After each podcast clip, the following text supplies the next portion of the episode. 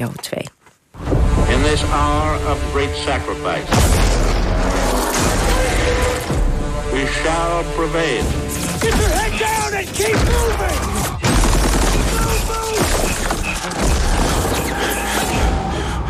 No mission too difficult. No sacrifice too great. Nou, je krijgt er uh, zin in. Dit was het geluid van de gameversie van D-Day uit Call of Duty. De Tweede Wereldoorlog is een grote inspiratie voor games. Maar wat voor beeld krijg je daarin en zouden die games ook bruikbaar zijn in het geschiedenisonderwijs? Historicus Pieter van den Heden onderzocht het en promoveerde op het resultaat. Goedemorgen. Goedemorgen. En nog gefeliciteerd met je promotie. Ja, dankjewel. Ben ja. je zelf een, eh, een liefhebber? Uh, ja, zeker. Ja. Uh, ik heb ook de vraag gekregen of ik eens wou kijken wat mijn favoriete games waren. Uh, nu, gaming is heel groot geworden. Um, maar ik speel graag verhalende games. Dus ja, zeker. Dan heb ik wel een paar favorieten die ik kan noemen, zeg maar. Ja. Maar dat is eigenlijk, is, is dat dan wat genuanceerder dan we net hoorden? Gewoon alles afknallen? Of, um... ja, nu, dit is sowieso al een heel specifiek stukje. Hè. Dus een trailer. Um, dus als je dan de game zelf ingaat, zal je sowieso ook al wat meer te zien krijgen. bij andere spellen sommige spellen duren soms 150 uur om uitgespeeld te krijgen. Dus dan zit er heel veel uh, content in. Goed voor coronatijden, toch? Heel goed voor coronatijden, inderdaad. Want als je naar de cijfers kijkt, dan uh, is gaming echt uh, in de lift gekropen de afgelopen paar maanden. Ja. Nou lieten we net een fragmentje horen van, van dus D-Day, de landing op de, op de kust van Normandië en de gevechten daar. Leer je nou als speler echt wat van wat er destijds gebeurd is? Um, wel, ik zou vooral zeggen dat het een ervaringscomponent toevoegt. Um, dus als je aan het spelen bent, dan ben je natuurlijk bezig met op de knoppen duwen en, en Duitsers neerschieten. Um, maar uh, als ik dan met spelers ging praten, want dat heb ik ook nadrukkelijk gedaan voor het proefschrift, dan kwamen ze met een soort van openbaringsmomentje. Als je dan bijvoorbeeld uit het bootje stapt uh, op die day en dan het strand opstormt, maar de moeilijkheidsgraad heb je zodanig ingesteld dat het heel moeilijk is, dan kan het soms zijn dat je na een paar seconden eigenlijk al virtueel doodgeschoten wordt. En voor spelers was dat een soort van moment om te zeggen van uh, dat zegt mij iets over de kwetsbaarheid die je dan moet ervaren hebben als soldaat als je op dat strand dan, als je dan rechtop stormt, uh, zeg maar. Dus je, je voelt, je, je zou je een soort van lijfelijke ervaring kunnen krijgen van hoe is het om daar te staan? Ja, het is zo indirect inderdaad zo dat idee dat je er onder andere uithaalt. Nu, dat kan je ook op heel veel manieren bekritiseren, maar daar kunnen we dan straks nog eventjes op ingaan. Want het is natuurlijk ook, het gaat hem over kwetsbaarheid en over um, ja, uh, angst voor gevaar. Maar dat is, dat is ook een vrij universeel gegeven natuurlijk. En als je dat dan historisch wil gaan kaderen, uh, ja, dan zeg je eigenlijk niet per se iets over uh, de beleefwereld van die Amerikaanse soldaten, maar eigenlijk algemener iets over ja, angst en kwetsbaarheid. Maar ja. zijn het nou allemaal, heel plat gezegd, vechtspelletjes? Hè? Dus of je schiet zoveel nazi's dood, of je schiet zoveel Engelsen dood. Of worden er ook andere dingen aangekaart. Bijvoorbeeld uh, de oorlog, als we het nu over de oorlog hebben, heeft iedereen het over. Het is niet anders de Holocaust. Ja. Dat lijkt me niet zo makkelijk om daar een spelletje over te maken. Het woord spelletje al is al bijna uh, ingewikkeld. Precies. Dus hoe gaan ze met dit soort gaan ze daarmee om?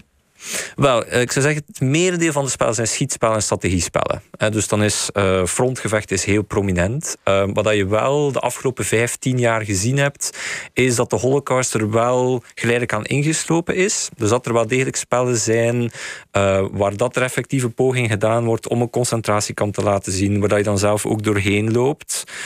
dat gebeurt op uiteenlopende manieren. het een al wat smakelijker dan het ander, zou ik ook zeggen.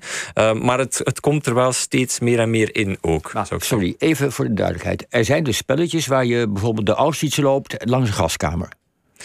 Uh, er zijn spellen waar dat, dat er inderdaad in zit. Ja. Nu, natuurlijk, als je het zo neerzet, er zit een heel verhaal rond en goed. Maar uh, ja, inderdaad. Ja. En, nou zeg je van, ja, ondanks dat games toch, tenminste het gros, vaak wel een, een, een eenzijdig beeld geven van de geschiedenis. Of dus heel erg op die ervaring zitten, zonder ja. de, de context. Uh, concludeer je toch wel dat ze bruikbaar kunnen zijn in het onderwijs. Um, in welke zin dan? Uh, jawel, dus een van de hoofdbenaderingen die ik dan eigenlijk voorstel is meer uh, gebruik het spel als vertrekpunt voor een gesprek, uh, zeg maar. Dus als je dan, als ik daarnet had over D-Day specifiek dan, hè, um, wat je dan hebt is net, hè, wat ik zei, die angstervaring of zo, dat idee van kwetsbaarheid. Uh, maar wat je dan in de klas bijvoorbeeld kan doen, heel concreet, is bijvoorbeeld een aantal dagboekfragmenten of brieven van Amerikaanse soldaten nemen, die ze zelf destijds geschreven hebben. En dan weten we uit onderzoek um, naar mentaliteit van Amerikaanse soldaten, ja, dat ze ook bepaalde ideeën hebben over Europa bijvoorbeeld, hè, het oude continent, uh, dan nog vastzit in de middeleeuwen, bij wijze van spreken, uh, waar zij dan als mensen uit de nieuwe wereld. Ze dachten, we lopen er gewoon doorheen. Uh, wel, ja, dat, is dan zelfs verrassend. Um, want uh, dan komen ze van die middeleeuwse forten en zo tegen. En dan hebben zij hun militaire technologie mee. Maar dan, dan is dat voor hen een soort van, ja, ook vervelend. Weet wel? Van, dan is het van, uh, ja, wij willen natuurlijk door naar Duitsland. Maar dan botsen echt op al die barrières daar. Ook weer een teken van de oude wereld. Dus wat ik dan vooral wil zeggen is, um, als je naar de bronnen gaat kijken, krijg je eigenlijk historisch een soort van ander beeld van wat Amerikaanse soldaten dan dachten. Dus wat je dan in de klas kan doen is een soort van die ervaringscomponent van Call of Duty laten zien uh, aan uh, leerlingen. Ze zelf even laten spelen ook. Dat dan confronteren met die bronnen en dan zeggen van ja, uh, het is wel anders. Dus dan heb je eigenlijk meteen het game, uh, de game gebruikt als vertrekpunt voor soort van kritische. Maar dan zitten er ook soms uh, nazi-zombies in en nog gewoon ja. pure fantasie. Hoe ga je daar dan mee om? Um, wel, daar zou je. Kijk, um, als je naar die zombies gaat kijken en zo, dan kan je het vaak terugvoeren naar. Daar zit een hele cultuurgeschiedenis achter. Um, dus bijvoorbeeld veel van die beelden rond nazi-zombies, ook vaak seksueel, hè, dus vrouwelijke kampbewakers en zo met leren pakjes, dat zie je ook soms vaak in games opduiken. Nu, daar zit een cultuurgeschiedenis achter. Dat zijn beelden die vanaf de jaren 70 heel prominent worden in nazi-exploitation cinema bijvoorbeeld, die deels ook pornografisch is en die dan inspiratie haalt uit bepaalde verhalen uit de concentratiekampen. Ik hoor een um, heel nieuw genre wat ja, ik nog nooit precies. van heb gehoord. En maar... wat eigenlijk voor een groot deel ja, zelfs los staat van wat tijdens de oorlog gebeurd is. Maar er is een soort van beeld rond ontstaan. En dus als je dan uh, zo van die spellen hebt, um, kijk, in veel gevallen zijn ze ook niet echt bruikbaar voor het onderwijs. Maar wat je wel zou kunnen doen, is net van die stereotype beelden die je daar ziet, ook weer gaan gebruiken als vertrekpunt van, ja, maar hoe zat het dan? Dus dan kan je bijvoorbeeld rond gender iets gaan vertellen. Uh, kan je ook iets gaan vertellen waar dat die zombies dan vandaan komen? Hè? Dat heeft dan met mengelen en zo te maken. Um, dus je kan dat gaan ontleden. Zeg maar, maar kun je dan ontsnappen aan het stereotype beeld van de oorlog? Het stereotype beeld van de oorlog is, je had oorlog en er waren goede en er waren slechte. En die vochten met elkaar. En het was vooral vechten.